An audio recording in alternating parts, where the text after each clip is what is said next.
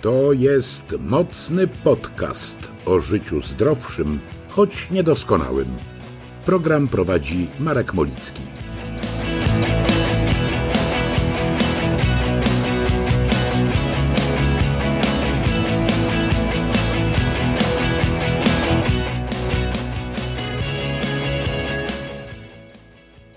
Tydzień zaczął się od tego, że wziąłem udział w dyskusji z antyszczepionkowcami. Co prawda wspomniałem i w mocnym podcaście i na blogu, że z pewnymi ludźmi dyskusja nie ma sensu, do tego grona właśnie zaliczam proepidemików, jakich się ładnie nazywa, no ale tym razem to było ciekawe doświadczenie z kilku powodów. Przede wszystkim nie spodziewałem się, że jeden komentarz wywoła taką lawinę, no bo nic tego nie zapowiadało. No ale jak śpiewali panowie z Doki Dog, expect the unexpected. To, czego nie spodziewałem się jeszcze bardziej, to że na fanpage'u dedykowanemu nauce i szczepieniom jest tylu proepidemików. To znaczy, wiedziałem, że tam są, ale nie sądziłem, że admini pozwalają na szerzenie pseudonaukowych bzdur w miejscu, które ma popularyzować naukę. Ja rozumiem, że zasięgi są ważne, zaangażowana dyskusja drażni czułe miejsce algorytmów Facebooka, ale mimo wszystko warto trzymać poziom. Nie jest to zresztą odosobniony przypadek i to już któryś raz gdzieś coś takiego ma miejsce i przyznam szczerze, że mnie to smuci. To, co mnie nie zdziwiło, to argumenty podnoszone przez antyszczepionkowców.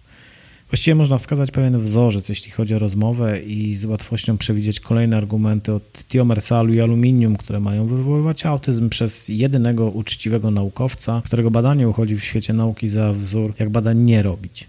Do wielkiego spisku Big Farmy oczywiście. Kiedy pada ten argument, możesz być już pewny, że w następnym kroku usłyszysz lub przeczytasz inwektywy, a właściwie w następnym poście. W wersji light dowiesz się po prostu, że musisz się douczyć. Oczywiście nie na żadnym uniwersytecie medycznym, broń Boże. Przecież wiadomo, że tam młodym medykom wpaja się pogardę dla pacjentów, uczy się jak ukrywać terapię, no i przede wszystkim formatuje się ich odpowiednio, żeby mieszali w głowach ludziom. Poza tym młodzi medycy tak naprawdę idą na medycynę tylko po to, żeby złapać kontakt do kogoś ważnego w jakimkolwiek koncernie farmaceutycznym i w końcu, żeby dać się kupić. Ja co prawda wiem, że moi stali słuchacze są inteligentnymi ludźmi, ale gdyby zaplątał się tu jakiś wyznawca teorii spiskowych lub fan strukturyzatorów wody, to spieszę z wyjaśnieniem, że to była ironia. Najśmieszniejsze w tym wszystkim jest to, że w walczących z nomen omen zdrowym rozsądkiem i nauką antyszczepionkowców, a właściwie sposób ich działania, nauka zna doskonale. Pozwólcie, że opowiem Wam o pewnym eksperymencie, który jakieś 50 czy 60 lat temu przeprowadził psycholog społeczny Leon Festinger – Wraz ze swoimi współpracownikami psycholog przeniknął do grupy ludzi, którzy uwierzyli, że 21 grudnia tego roku nastąpi koniec świata. Naukowcy chcieli przekonać się, co stanie się z postawami, kiedy jednak koniec świata nie nastąpi.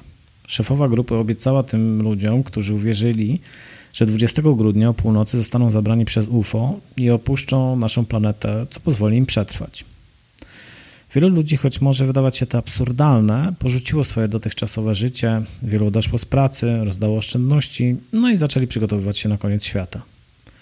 Leon Festinger założył, że osoby, które zaangażowały się bardzo mocno w działanie grupy i porzucili dotychczasowe życie, kiedy przepowiednia się nie sprawdzi, oni tylko utwierdzą się w słuszności swojego działania. Natomiast ci, którzy zaangażowali się tylko trochę, stracą wiarę w swoją szefową. Jak można się spodziewać, koniec świata nie nastąpił. Natomiast nad ranem szefowa grupy oznajmiła, że świat ocalał, bo Bóg wysłuchał ich próśb. I od teraz będzie panował pokój. Najbardziej zaangażowani wpadli w euforię i zaczęli z ogromnym przekonaniem głosić dobrą nowinę.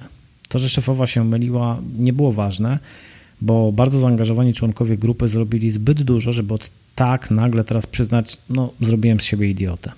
Nie, oni poszli za to na całość. Zjawisko to nazywa się dysonansem poznawczym i jest bardzo dobrze znane. Dysonans poznawczy to taki stan napięcia, kiedy powstaje u konkretnej osoby, kiedy występują u niej dwa elementy poznawcze, które są psychologicznie sprzeczne ze sobą. I podobne zjawisko można zaobserwować u antyszczepionkowców. Wielu z nich musi lub musiało przynajmniej na początku zdawać sobie sprawę, że na przykład agentka ubezpieczeniowa nie może mieć więcej wiedzy na temat szczepień niż wielu profesorów medycyny. Wielu antyszczepionkowców, kiedy dopadała ich choroba, nie szli po poradę do firmy ubezpieczeniowej, tylko szukali pomocy u lekarza. Ale w pewnym momencie uwierzyli w coś absurdalnego, doświadczyli dysonansu poznawczego, zaczęli usprawiedliwiać swoje postępowanie i po pewnym czasie tak mocno uwierzyli że w to, co głoszą, że fakty nie mają żadnego znaczenia. Zresztą nie ma takich faktów, z którymi nie dałoby się polemizować. A jak się nie da, to można interlokutora wysłać do szkoły imienia profesora Jerzego. Oczywiście doświadczyłem inwektyw w czasie dyskusji. To było kolejne ciekawe dla mnie doświadczenie działania pewnych narzędzi psychologicznych. Otóż kurs uważności, czyli mindfulness, uczy radzenia sobie z emocjami. Naczelną zasadą jest to, żeby pojawiające się stany obserwować i nie dać im się porwać, nie pozwalać na działanie autopilota. Czyli pojawia się stresor, a ty od razu działasz jak robot. Zainteresowanych mechanizmem odsyłam do drugiego odcinka mocnego podcastu i rozmowy z Mirką Kolmagą, która fachowo tłumaczy, jak to działa. Jako absolwent kursu uważności, a przede wszystkim praktyk, zwróciłem uwagę, co się dzieje z moimi emocjami. No bo nie ukrywajmy, w pierwszej chwili nieco się zagotowałem, kiedy przeczytałem o spisku Big Farmy, metalach ciężkich, które wypełniają szczepionki oraz tym, że konstytucja gwarantuje antyszczepionkowcom możliwość zdecydowania, czy chcą szczepić dzieci i siebie, czy nie.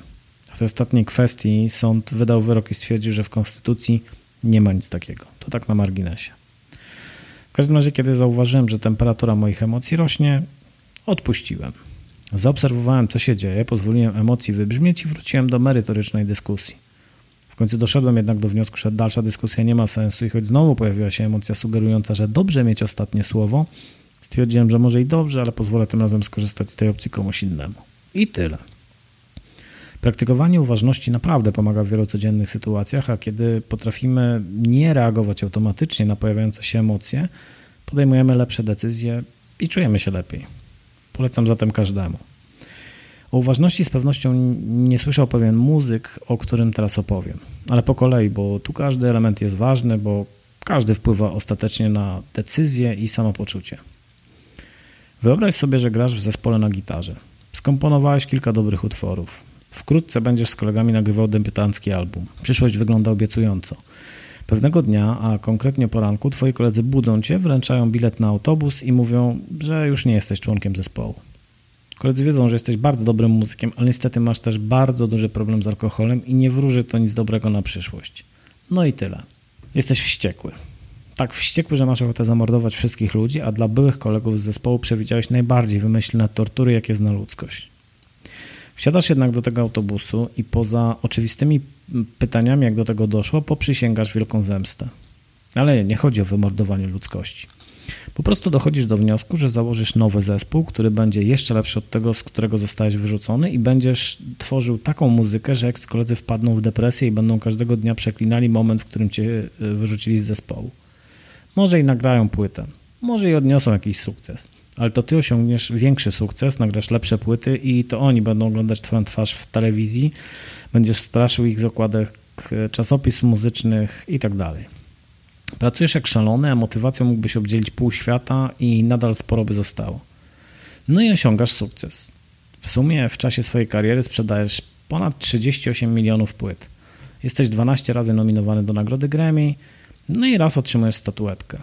Co więcej, wraz z kolegą z zespołu trafiasz na 19 miejsce listy 100 najlepszych heavy metalowych gitarzystów wszechczasów. Naprawdę jesteś uznanym muzykiem. Riffy, które komponujesz są tak charakterystyczne, że zdobywają własną nazwę Spitfire Riffs. Odniosłeś sukces, bezdyskusyjny. Przeszedłeś do historii muzyki, nikt i nic ci tego nie zabierze. Co więcej, twoje nazwisko jako kompozytora znajduje się na okładkach płyt zespołu, z którego cię wyrzucono, więc koledzy też o tobie nie zapomną. Zresztą wielu ludzi uważa, że to właśnie twoje riffy i twoje kompozycje ukształtowały tamten zespół. Setki tysięcy młodych ludzi na całym świecie wiesza w swoich pokojach plakaty z tobą w roli głównej i marzy o tym, żeby osiągnąć to, co ty. Możesz czuć się spełniony ale niestety nie jesteś. Co więcej, wszystkie Twoje sukcesy wydają Ci się małe i niepozorne, a to, co Cię boli najbardziej, to to, że ponad 30 lat temu zostałeś wyrzucony przez kolegów z zespołu. Bo jeśli Twój sukces jest wielki, to sukces Twoich ex-kolegów jest gigantyczny. Sprzedałeś mnóstwo płyt, zagrałeś mnóstwo koncertów na całym świecie, przeszedłeś do historii i zarobiłeś tyle kasy, że Ty i Twoje dzieci mogą nic nie robić do końca życia. Twoi ex-koledzy osiągnęli jednak więcej. Nazwę ich zespołu znają nawet ludzie, którzy nie przepadają za metalem. Fani toczą trwający już ponad trzy dekady spór, który z albumów Twoich kolegów jest najważniejszy w historii metalu, a przynajmniej jeden z utworów znają chyba nawet fani Disco Polo.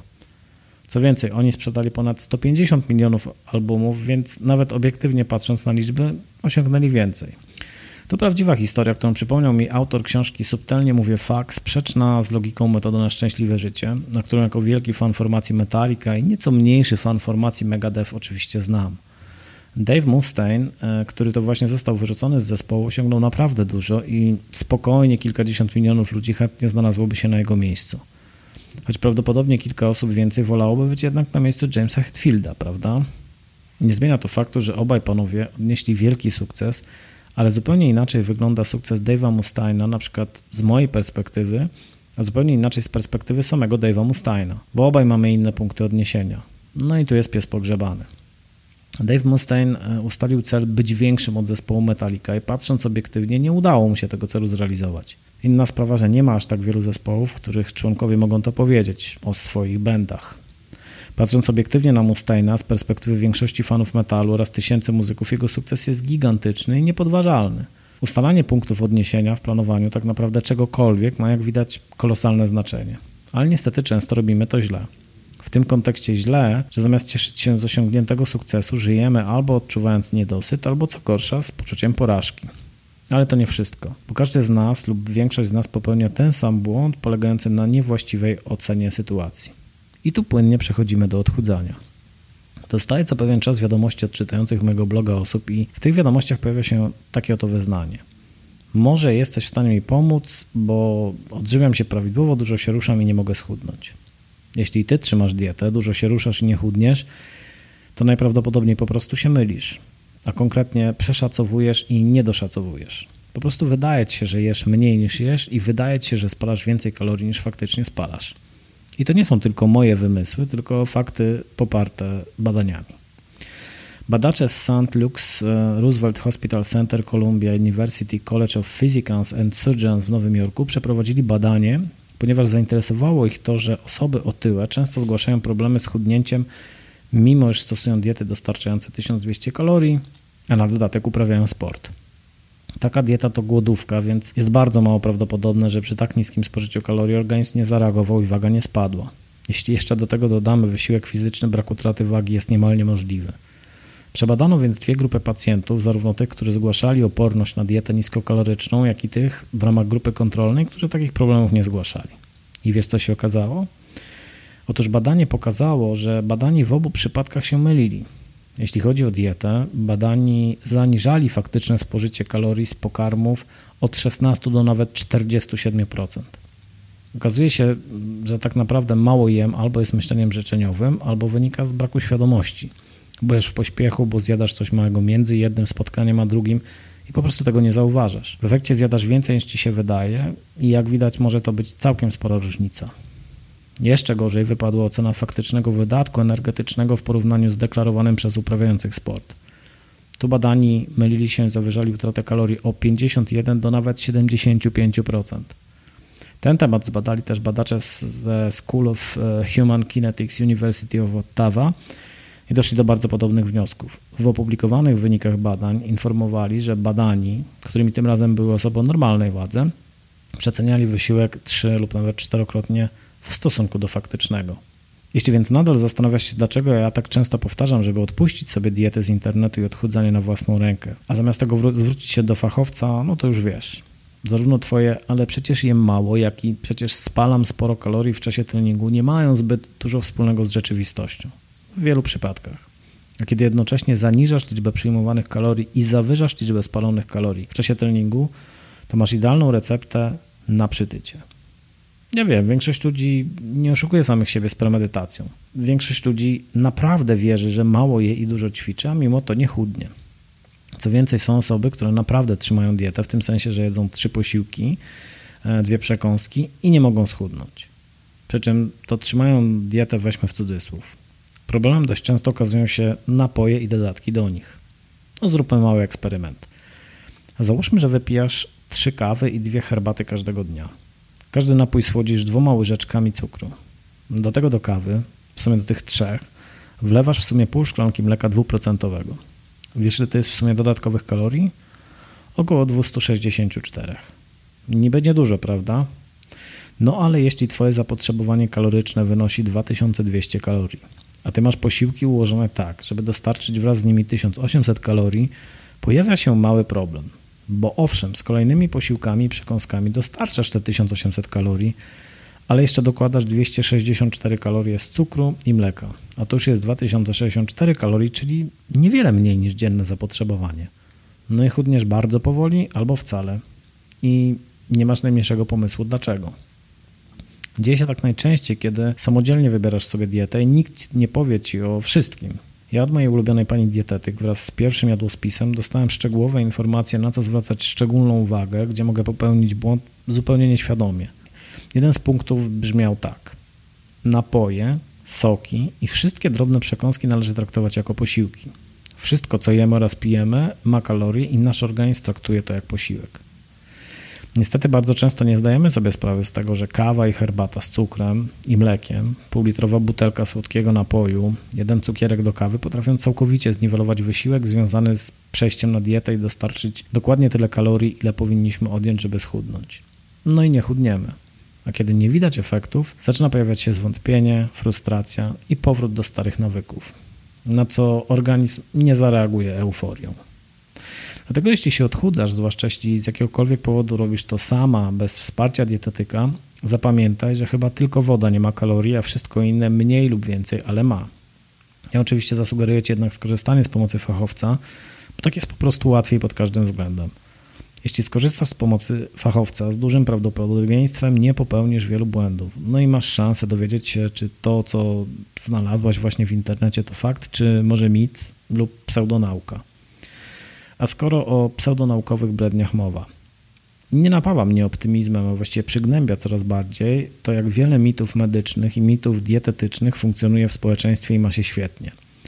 Łatwość, z jaką te mity rozprzestrzeniają się, jest jeszcze bardziej przerażająca, a dzieje się, dzieje się to właśnie za sprawą internetu, bo to tylko jeden klik, jedno udostępnienie i bezkarnie, bez ponoszenia jakiejkolwiek odpowiedzialności można podważyć dziesiątki lat badań wybitnych naukowców, mimo że jedyny kontakt z medycyną, jaki ma udostępniający bzdury, to serial Szpital albo coś podobnego.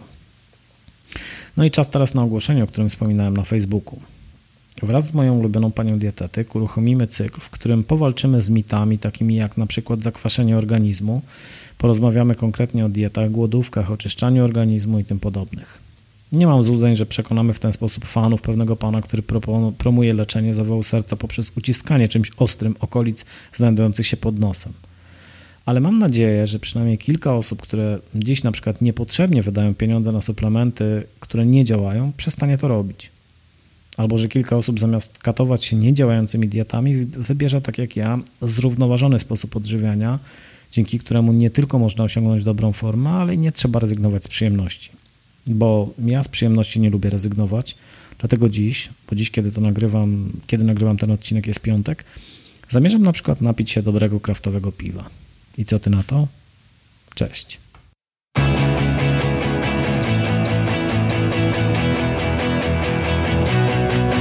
To był mocny podcast.